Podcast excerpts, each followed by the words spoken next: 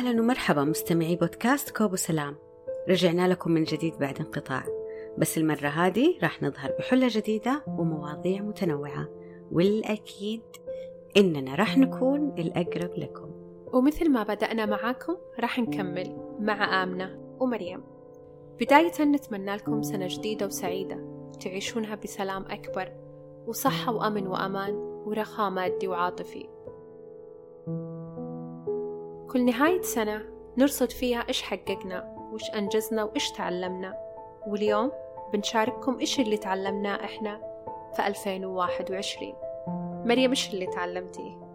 عن نفسي قبل تنتهي كل سنة أحب أسأل نفسي إيش اللي ممكن أسويه هذه السنة عشان تشكرني عليه نفسي في نسختي المستقبلية؟ يعني مثلا تعلمت الاستثمار لكن مش الاستثمار اللي إحنا نعرفه.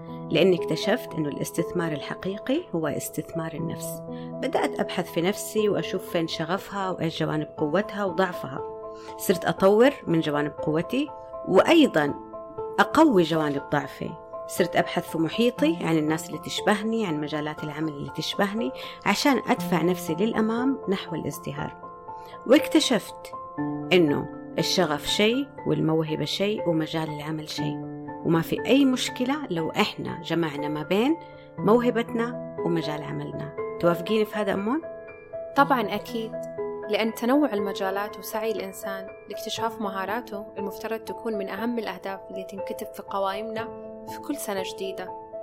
كيف راح نعرف أنفسنا؟ كيف راح نتعرف على المهارات اللي نملكها؟ كيف راح نعرف طاقاتنا؟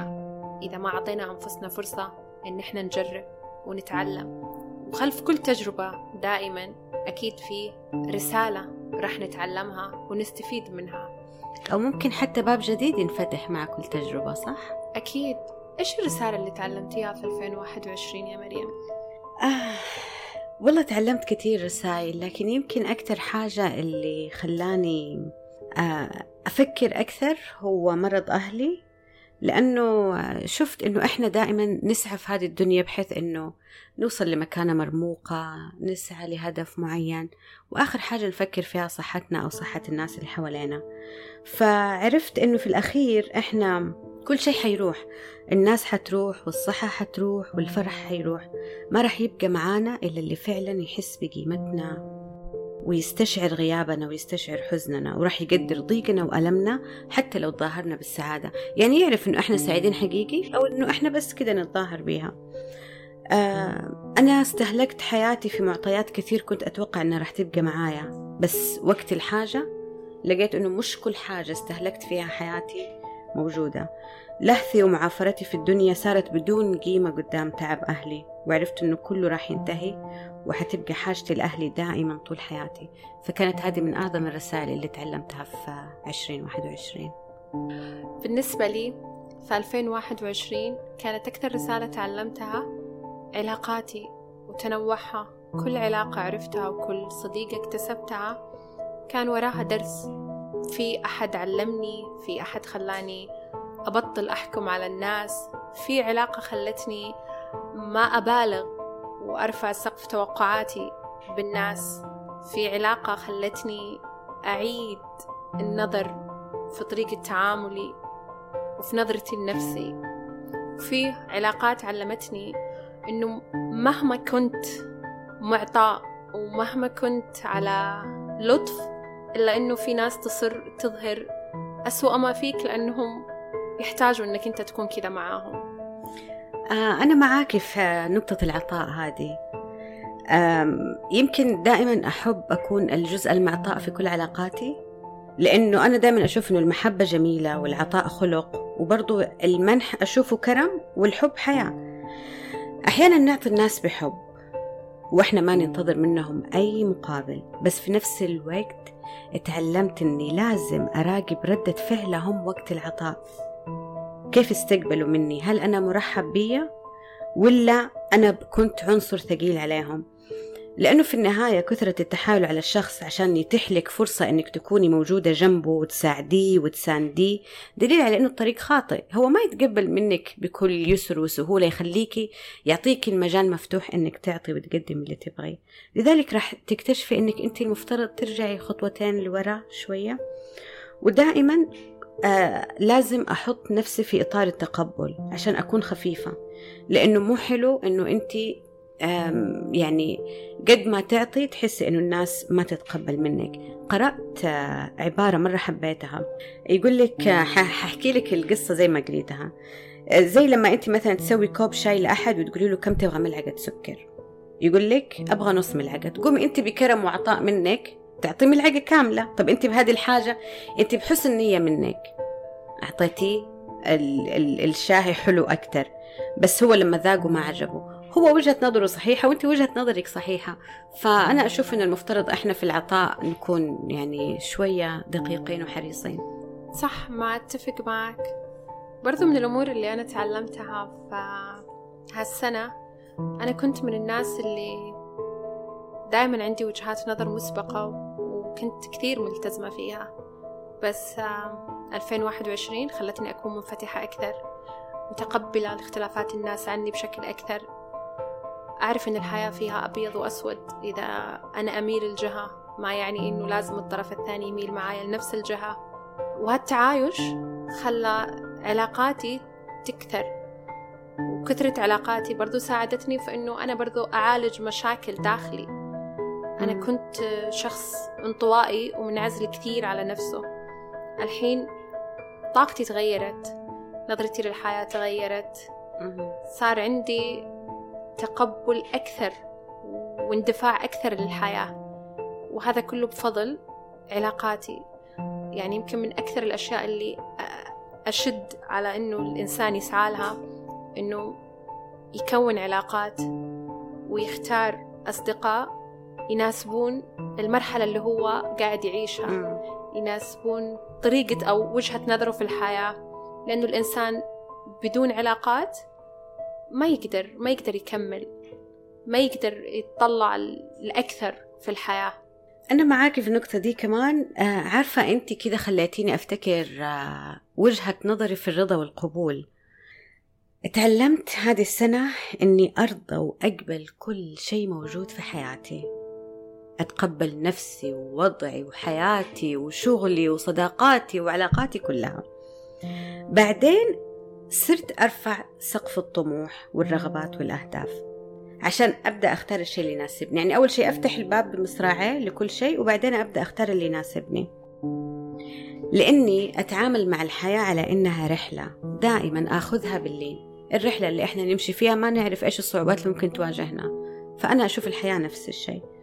وفي الأخير صار عندي قبول إنه اللي ما يجيني معناته ما انكتب لي من البداية مهما حاولت إني أوصل له. واللي ما انكتب لي من البداية هو أكيد في خير لي. فما صرت أجزع لا على العطاء ولا على الحرمان. برضو من الأمور اللي أنا اكتشفتها في نفسي إنه كل أحد فينا قادر قادر يسوي اللي يبغاه طالما عنده القوة والطاقة ويكون مستعد. مثلا في كثير دائما يتردد علي إنه أنا مو عارفة كيف أبدأ. أكتشف مهارة أو أفتح بزنس أو أتعلم حاجة لأنه إحنا تعودنا إنه إحنا نعيش في إطار معين نحصر أنفسنا في روتين معين. دائما ننظر لأنفسنا إن إحنا أقل من إن إحنا نجرب من إن إحنا ندخل مجال معين. برضو أكثر نقطة ممكن أنا تعلمتها إنه نبطل خوف نبطل خوف إنه إحنا نخوض تجربة وحتى إذا انتهت بفشل في النهاية التجربة بتضيف لي. إذا ما أضافت لي بشكل إيجابي هي أكيد راح تضيف لي إنه ما عاد أعيد الطريق نفسه. إنه أحاول أكتشف طريق ثاني ممكن يوصلني للحلم أو للهدف اللي أنا أبغى أوصل له. عارفة الخوف إيش سببه؟ سبب الخوف إنه إحنا نخاف التغيير. يعني إحنا عايشين نمط حياتي معين نخاف إنه يتغير علينا فبالتالي نخاف المجازفة رغم إنه الحقيقة الوحيدة في الحياة هي التغيير. ما في حال يدوم لا صحة تدوم ولا وضع مالي يدوم. إحنا بنفسنا نكبر كل يوم عن التاني ونتغير.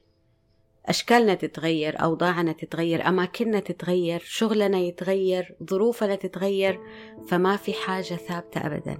فالمفترض نحن ما نخاف من التغيير. في بيت شعر يقول ولا حزن يدوم ولا سرور ولا بؤس عليك ولا رخاء. إذا إحنا نكون منفتحين على الحياة بكل جوانبها ونتقبل كل اللي فيها ونرضى باللي موجود فيها ونمشي في طريق التغيير عشان نوصل لأحلامنا والأهدافنا اللي إحنا نكتبها بداية كل سنة. المفروض إنه ما نكون موجودين في مكان واحد ونقول آه يلا أنا بأحلامي تتحقق. لا خليني أسعى وأفتح أبواب التغيير وأمشي فيها. على موضوع التغيير برضو لاحظت إنه في ناس دائما إذا كان في شخص يعرفونه من فترة طويلة فجأة هالشخص ما صار معاهم آه، بنفس النمط اللي هم متعودين يعيشونه على طول يحكمون عليه إنه أوه تغيرت. أوه صار تفكيرك غير حياتك غير بالرغم إنه زي ما أنت قلتي إن التغيير طبيعة الإنسان أصلا الإنسان كيف راح يعرف إنه هو عايش؟ إذا ما مر أو عاش مراحل وكل مرحلة يمرها لازم يتعلم لازم يتغير فيها. آه عارفة عندنا في الكيمياء آه شفتي قلم الرصاص اللي نكتب بيه ونمحيه اللي هو يعتبر ولا حاجة؟ هو مصنوع من نفس المادة اللي مصنوعة منها الألماس. بس التغيير بينهم إيش؟ إنه الألماس تعرض لضغوط مرة قوية عشان كذا صار يلمع وصار رائع. بينما قلم الرصاص ترى هم بس أخذوا الكربون وغلفوه بخشبة خفيفة وصرنا نكتب فيها. فكل الموضوع وما فيه إنه كيميائيا الفرق بين الألماس وبين قلم الرصاص هو تغيير في ذرات الكربون. نفس الشيء إحنا حياتنا. أنا ممكن أتغير زي ما انت قلتي دحين إنه الناس تشوف اني تغيرت وكذا وهذا تغير عشان الوضع يتغير. لا الموضوع ما في إنه تغيرت الأماكن بالتالي راح يتغير الوضع. أنا ما يصلح مكاني يتغير أو علمي يتغير وأنا أتكلم بنفس المنطق القديم. لأنه لازم لازم تظهر عليك هذه التغييرات في شخصيتك. تذكرت مقولة تقول إن الإنسان ما يوصل للتنوير إلا بعد ما يوصل للقاع. بمعنى إن كل إن كل الضغوطات اللي نعيشها تستهلكنا نفسيا عاطفيا روحيا ماديا راح تصنع كائن مختلف منا بروح جديدة ووعي أكبر. آخر شي تعلمته في 2021 إن السعادة والحياة بحب وسلام قرار واختيار بيد كل أحد فينا متى ما كان مستعد بظروفه وأفكاره ونواياه. فإنه ببداية هالسنة إنكم تعيشون بخير وحب وتقبل لكل منعطف ومرحلة راح نمر فيها. مريم إيش آخر حاجة تعلمتيها؟ آخر شيء تعلمته إن كان ما أقدر أسمي آخر شيء لكن من الأشياء اللي حابة أنوه عليها إنه الانسحاب أبدا مو معناته خسارة أو ضعف. لأنه في نهاية المطاف أحيانا ممكن ننسحب من حاجة عشان نكسب نفسنا مرة تانية. وأبغى أبدأ سنتي الجديدة بكل هدوء مع النفس ومصالحة مع الذات. خلاص أبغى أوقف جلد الذات. أبغى أؤمن بأنه كل شيء في حياتي جالس يصير هو لصالحي. لأنه للأسف إحنا من عادة الحياة أصلا إحنا خلقنا في كبد. نتعرض لضغوطات فنقوم نسيء لنفسنا. حتى حكمنا على نفسنا يكون خطأ. بدون بدون ما نتعلم إنه آه، المفترض نطبطب على نفسنا ونهدي عليها عشان نستعيد ذاتنا اللي نفقدها لإنه مع كل ضغط نمر فيه إحنا جالسين نفقد جزء معين من ذاتنا. لازم نعزز يقيننا بأننا أشخاص جيدين نافعين واعين ملهمين متميزين وقادرين على العطاء مهما أسدل الوجع ستاره على أرواحنا.